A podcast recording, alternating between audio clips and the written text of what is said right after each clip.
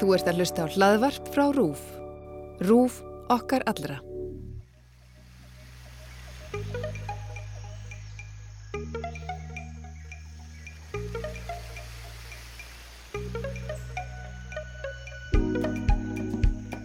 Góðan dag kæri hlustandi, þú ert að hlusta á X21 sem er kostninga hlaðvarp RÚF.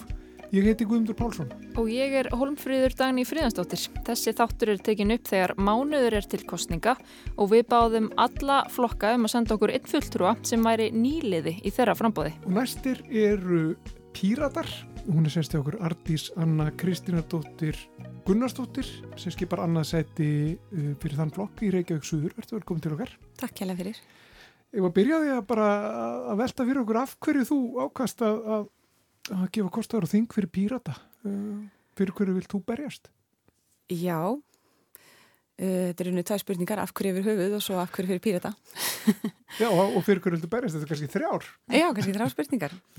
Uh, til að svara kannski fyrstu spurningunum og jafnvel þeim öllum, þá er ég svona, ég er svona þannig, þannig gerð að hérna ég ég fætt með þá sannfæringu að það sé í mínu verkarhinga hérna, bjerga heiminum og all, hef alla æfi einhvern veginn verið að finna leið til að gera það.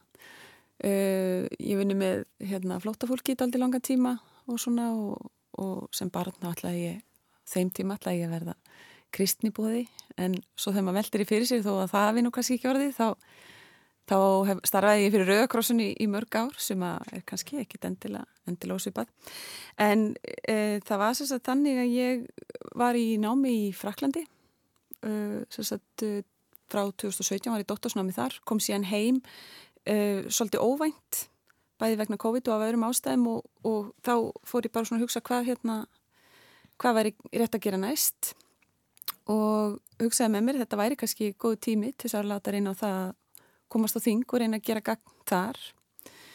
Uh, hvers vegna píratar, það uh, var í raunin ekki, ekki flókin ákvörðun. Þegar að píratar komu á, á sjónasviði þá má segja allir aðri flokkar og, og starfiðu og gera enn svona á, kannski svolítið svipanhátt. Það er svona ákveðin vinnubröð í, í stjórnmálum sem að hafa verið viðkend svo árum skiptir og þó að flokkar tali oft um það að, hérna, þeir ætla að breyta vinnubröðum og breyta hugafæri þá verðist það oft vera meira í orðin að borði. Það sem að ég reyfst af í pírata var það að mér fannst píratar seinlega að sína það að þetta er raunverulega hægt. Það er hægt raunverulega að gera þetta.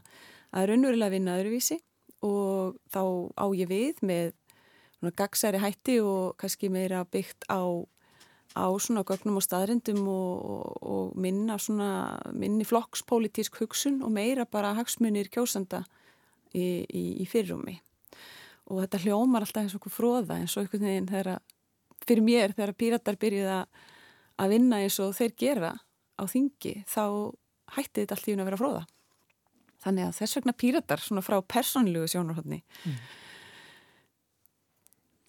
En hver eru núna fyrst að vera stærstu málinn uh, fyrir þessa kostningar?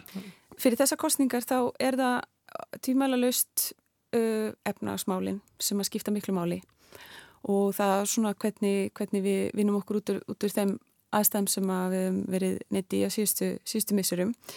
Pírata tala fyrir alveg nýri hugmyndafræði í efnarsmálum eins og í mörgu öðru og það er hugmyndafræði sem við hefum saman samfélag og náttúru þannig að hafkerið tekir til litið fleiri þáttar en, en þeirra sem eru með verðmiða og þetta er eitthvað sem ég tel að sé mjög stór stórt kostningamál eins og staðan er. Það, er, eru efnarsmálinn hvernig horfum við til framtíðar.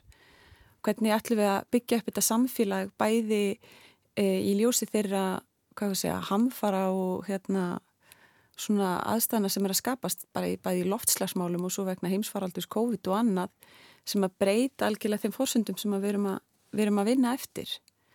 Þannig að við þurfum svona kannski að hugsa allt upp og nýtt hvernig við ætlum að halda samfélaginu gangandi til lengri tíma með breytt og líka það er náttúrulega að verða breytt, breytt, hvað þú segja, breyttar, breytt vinnum hverfi með aukinni, aukinni hérna, sjálfvirkni og annað. Það er rosalega margt sem þarf að, þarf að horfa til og þetta er líka stort kostningamál en svo er það náttúrulega umhverjus og loftslagsmálin. Þetta er mjög brínt, hefur náttúrulega verið brínt í grila langa tíma. Það er kannski, kannski fyrst núna sem fólk er svona verða hvað ég voru að segja, almennilega meðvitað um þetta þar sem að við erum bara hreinlega farin að taka eftir því og finna fyrir því á eigin skinni að það er að verða breytingar sem að geta ógnað okkar, okkar vist hérna á, á jörðinni. Ógnar ekki jörðinni, jörðin verður hérna áfram en hvað verður um okkur og, og lífrikið. Þannig að ég held að það sé eitthvað sem að þarf, sem að engi spurninga þarf að grípa, það þarf að grípa strax til að gera. Og hvaða aðgerða það? Uh, það sem að kannski skiptir, skiptir mestu máli er að uh, þessar lofslagsbreytingar, það, það er kalla á rótækabreitingar ekki þess svona, við hefum kannski verið bara að fara of hægt í þróuninu sem það þarf að verða. Við viljum breyta hagkerfinu þannig að rán, ránirkja auðlundum og gróða sjónamið trombi ekki lengur hagsmunni náttúrunar og koma til kynsluða, það hefur kannski svolítið verið verið tilfelli hinga til. Við viljum auka, auka sagt, uh, samdrátt í lósun gróðurhósaloft upp í 70% og flýta markmiðum kóluninslutleysi til 2035. Þetta er kannski svona til að nefna eitthvað svona konkrétt sem, sem að við viljum gera. Uh, en svo er það líka bara það að tryggja það að allar aðgerðir og útgjöld ríkisins séu metin út frá umhverjus og loftslags áhrifum þeirra. Þetta sé í rauninu rauði þráðurinn bara í öllu sem við gerum. Það er það sem skiptir svo miklu máli. En hvernig, hvernig ætlaði að ná þessi markmið? Til dæmis með þessu sem ég nefndi, með þess að ég auka þessi markmið, þess að í rauninni að keira hraðar áfram þessi markmið um að hætta þessari lósun, stoppa þessar lósun gróðurúsuloftegundar sem að er að valda þessari hækkun lofthitta sem að er að ógna lífrikinu. En hvernig er það gert, sko, eða að gera þetta hraðar? Hva, hvað þarf þá að gera? Það þarf bara að banna ákveðna samgöngumáta, þarf að draga verlur ferðalögum til dæmis með landa Hva, þarf, kannski... þarf, að, þarf skipaflotin að vera Já, öðruvísi að... Hva, hvernig á að gera þetta svona rætt? Það sem hérna hefur kannski mitt uh, verið vandamáli hinga til er að ábyrðin og áherslan hefur verið rosalega mikið lögð á uh, það sem við sem einstaklingar og borgarar getur gert sem að sannarlega mikilvægt, ég ætla ekki að draga úr því sem er einmitt þetta kannski að takmarka ferðalög og annað slíkt en það eru náttúrulega uh, stór fyrirtæki og slíkir aðilar og hagsmuna aðilar uh, sem að hafa fjárhagslega hagsmuni af núverandi ástandi sem að hafa hreinlega bara, hvað ég var að segja, ráðið og miklu. Við til dæmis viljum banna oljuleit þó fyrir hefði verið, teljum líka bara efnahagslega ekki nokkuð, nokkuð viti því að hvetja til eða í rauninni uh, stuðla að sagt, nótgun jarðurna elsnita þegar við vitum það annars er það er náttúrulega dæmöndu auðlind og það er ekki framtíðin. Við getum ekki haldið áfram á þessum, á þessum nótum. Uh, og svo náttúrulega, já, nýjar leikreglur sem kom í veg fyrir stuðningu með engandi fyrirtæki. Þetta er rauninni snýst líka kannski bara um það og að styðja fyrirtæki til þess að vera ekki, ekki mengandi og þá eru við ekki bara að tala um lítil fyrirtæki og borgarana heldur kannski svona að beina sjónum að þeim aðilum sem að geta, sem að hafa tök á að í rauninni hafa mest áhrif. Mm. Maður kannski nefna það. Þið seti nýja stjórnaskrá? Já. Svona ofalega á, á, á lista í eitthvað stefnu. Eh, sko það hefur reynt að breyta stjórnarskráni núna árun saman og, og það er nokkið gengin eitt úrslega vel. Uh, af hverju er þetta svona mikilvægt? Og af hverju eru þið svona með þetta bara svona sem ykkar aðal máleila? Já, það er í rauninni vegna að þetta er náttúrulega eitthvað sem að ætti að vera lungu bara gengið í gegn. Þetta er eitthvað sem að þjóðin á að geta, hefði, hefði átt að geta klára fyrir lungu síðan. Þetta er eitthvað sem er búið að kalla á frá í rauninni setningu núverandi stjórnarskrár og þetta er í rauninni, það er í rauninni bara, þetta er eiginlega bara komið gott. Það er bara komið tíma það að við fáum, setjum okkur nýja stjórnarskrá sem annars er endur spekla betur það stjórnkerfi sem við búum við nú þegar að því að þessi draug sem að voru unnin af stjórnlaráði hérna fyrir nokkur, mörgum ár síðan, áratug síðan það, þau eru rauninni í enn betra samræmi við það kerfi sem við búum við nú þegar með síðan ákveðnum breytingum sem við teljum vera mikilvægur til bóta til þess að ebla hér bæði beint líðræði og vald almennings og alþingis. Í rauninni og það er þessi uh, trískipting ríkisvaldsin sem er náttúrulega Uh, ekki, ekki full hér á landi þar sem að ráð þarf að sitja á þingi og annað. Það eru, eru ákveðinu svona þættir sem að hafa meiri áhrifheldur en fólk kannski gýri sér grein fyrir. En hvers vegna þetta hefur tekið svona langan tíma? Það er náttúrulega vegna þess að það eru aðeila sem hafa hagsmunni af því að, að núverandi ástand sé við líði þetta er náttúrulega það er ákveði ójabægi í, valdaskiptingunni sérst að milli þessara þryggja þáttar ríkisvaldsin sem er sérst löggefin sem setur reglunar, framkvæmda valdi sem að vinur eftir þeim og svo domstólar sem að dæma þegar að uppkjömmur ágreiningur. Uh, þannig að það er kannski svona ekki síst það sem að hefur tafið málið og við rauninni bara teljum vera tímabært að bara ganga frá þessu. Þetta er í rauninni, það er í rauninni þessuna sem að við erum að leggja áherslu á þetta. En á þessu kjörtamöbili þá var skipið þessi formána nefnd um endurskoðun stjórnarskrárunar þar sem að það náðist ekki þverrpolitisk sáttum breytingarnar. Það eru núna tíu flokkar í frambáði. Af hverju ætti þetta að ganga betur núna og hvað ætti þið að gera til að reyna að ná þessu í gegn? Það sem maður náttúrulega skiptir máli er að það er ekki það er ekki þingsins og stjórnvalda að breyta þeim leikariklum sem, sem að eiga við um þau í rauninni. Það er náttúrulega þjóðin sem að setja sér þessu stjórnarskrá og rétt á því að fá að setja sér stjórnarskrá og taka ákvörðun um það. Eh, það er alveg ljósta til þess að þetta verði að veruleika. Þá þarf að koma hérna ríkistjórn sem að er vilju til þess að láta þetta ganga í gegn. Það er þannig vegna þess að þannig er núverandi uh, gerfi til breytingar og stjórnarskrám. Þá þarf sagt, þetta að vera samtíkt af alþingi á svo sem tveimur þingum og annað. Uh, þannig að þetta er, það er alveg ljóst að það er þarf á því til þess að, til þess að koma þessu í gegn. Það þarf ríkistjórn sem er vilju til þess að klára þetta mál. Pýritar tala um breytingu á, á stuðningskerfum ríkisins. Pýritar vilja umbreyta þessum stuðningskerfum ríkisins í skilirislösa grunnframfærslu. Eru að tala um borgarlun? Hvað? Eins og, eins og mörgum öðru sviðum þá er, er orðnótkunnin, getur hún verið hérna viðkvæm, viðkvæmt hérna topic, en hérna við viljum tala um... En er það að tala um þetta sem er stundum kalla borgarlun? Eh, já, svona þannig í áttina því, þó við, við kjósum að nota hugtaki skýleisleiskur um framfærsla á þessu stígi. Þetta er náttúrulega framtíðasín, þetta er ekki eitthvað sem er innleitt á einu kjörtímabili. Uh, við viljum rétt að vinna í átt að þessu af mörgum ástæðum, bæði af einfallega réttlætis ástæðum og til þess að virka mannauðin, mannauð landsins bara til hins ídrasta þegar að fólk færi raun að nýta sína krafta eftir bæði sínum hæfileikum og sínum áhuga að þá teljum við að það sé samfélaginu til framdráttar. En ekki síður vegna þess að e, með breytum aðstæmi með aukinni sjálfverkni og annað þá líka bara breytist e, eðli starfa á vinnumarkað og annað og við þurfum að vera með einhverja leið til þess að, að breyðast við þessu þessu nýju veruleika. Mm -hmm. Þannig að við teljum þetta ótvírætt vera, sko, þetta er það sem að koma skall. Og, og með þessari, þessari skilirslösu grunnframferðslu þá erum við að tala um alla borgara, alla bara yfir 18 ára eða úr sama hvað störðu vinna eða, eða hvað þau búa og hvað þau gera og svo fráhís. Algjörlega óháðöllu. Mm. En það má líka kannski nefna það að þetta náttúrulega skilirslös grunnframferðsla það er eitthvað sem er fyrir alla en það er samt sem aður kerfi sem að, sem að gerir líka ráð fyrir því að sömur þurfa meiri aðstóð en aðrir og þetta er ekki hugsað til þess að útrýma, útrýma slíku. Það er alltaf, það verður aldrei þannig að hinn skilurslösa grunnframfræsla dugi til þess að sinna þörfum allra og það ekki frekar en í dag, ekki frekar en lámarkslögin eða, eða grunnbætur duga til þess að sinna þörfum allra til þess að geta verið virkir einstaklingar í samfélaginu. Þannig að það má ekki, má ekki gleima því, það er þess að það er náttúrulega, náttúrulega halda áfram. Kórunu verið faraldurinn eh, sem hefur svona stjórnað öllu undanferðið eitt og halvt ár um það byll hvernig finnst þið svona viðbröð stjórnvalda vegna hans hafa verið og aðgerður, aðgerður sem fylgdi?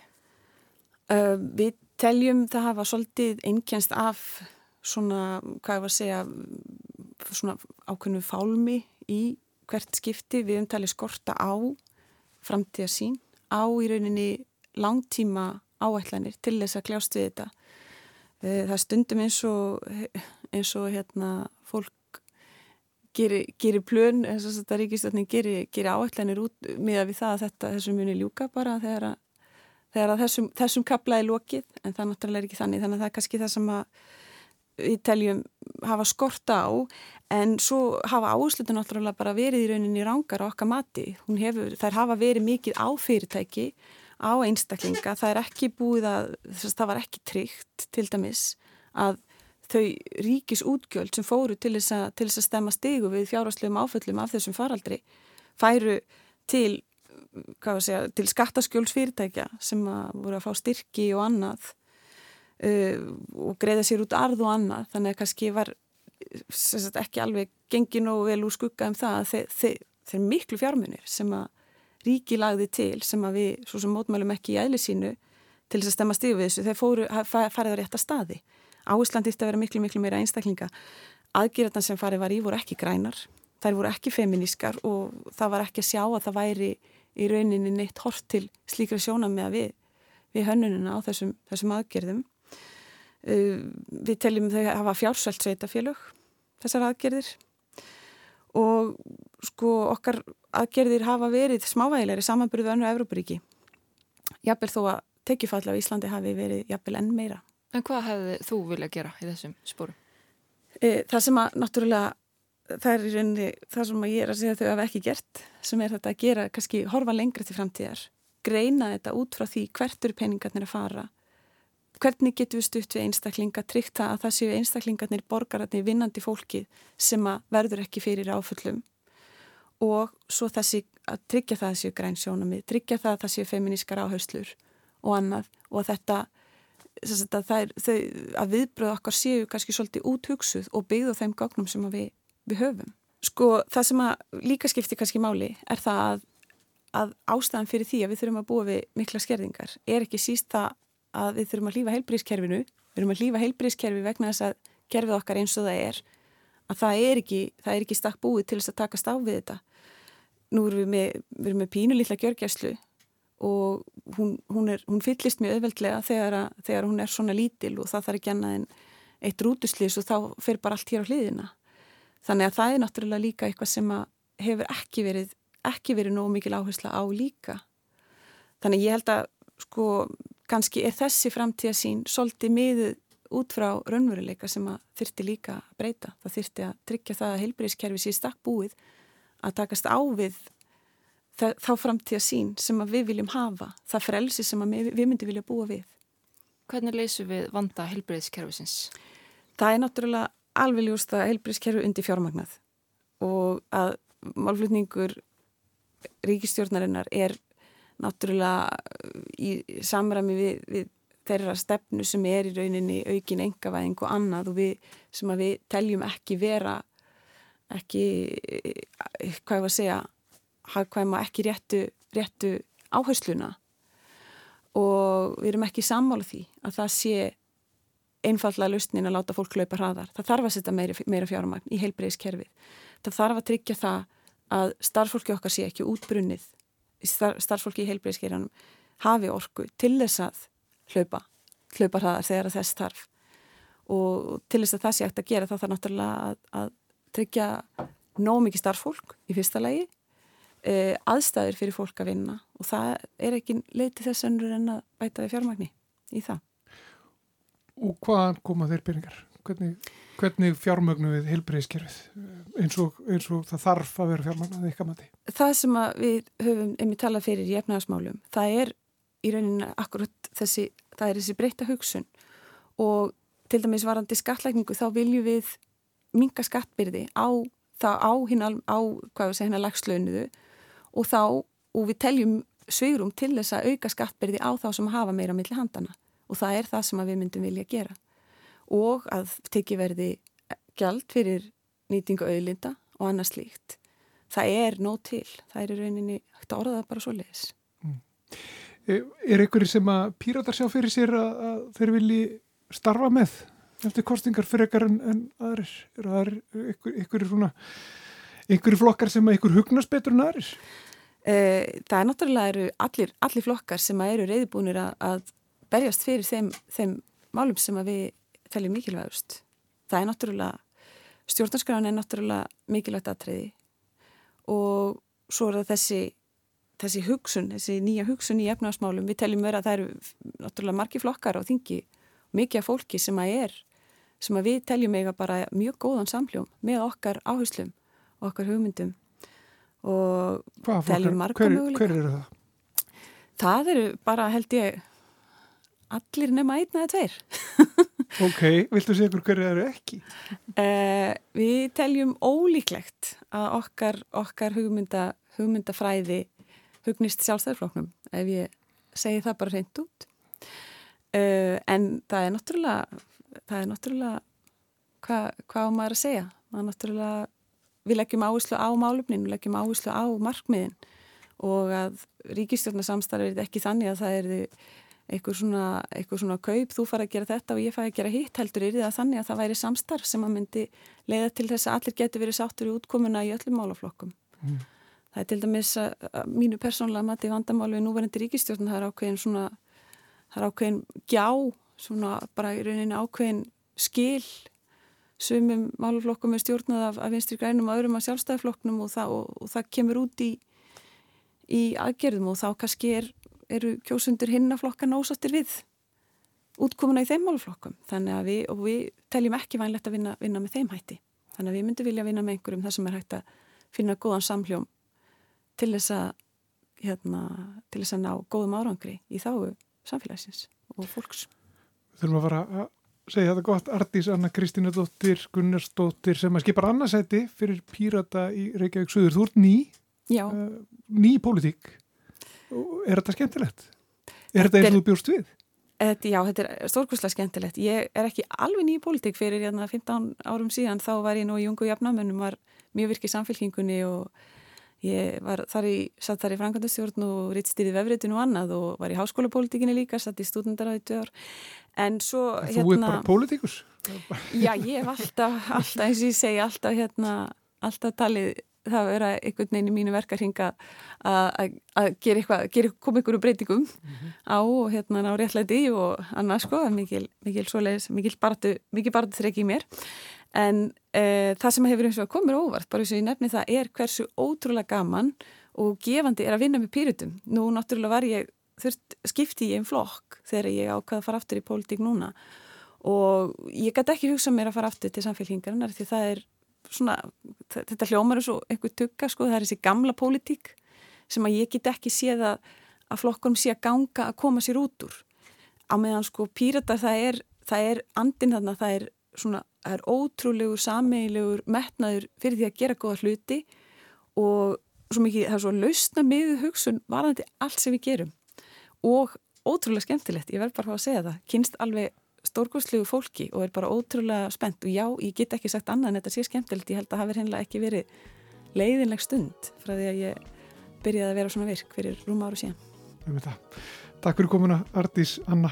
Takk sem er leiðis fyrir bóðið Þú varst að hlusta á X21, kostningahlaðvarp Rúf. Við rættum við Ardísi Önnu Kristínardóttur Gunnarsdóttur sem skipar annarsæti fyrir Pírata í Reykjavík Suður. Nýjir þættir af X21 byrtast reglulega í spilararúf og á helstu hlaðvarpsveitum. Og það er hægt að gera þetta áskrifandi, það er takki sem að mertur er subscribe og maður bara smellir á hann og þá getur maður sótt þættina um leiður þetta inn. Ég heiti Guðmundur Pálsson. Og ég er Holmfríður Dagni Fríðansdóttir. Takk fyrir að hlusta.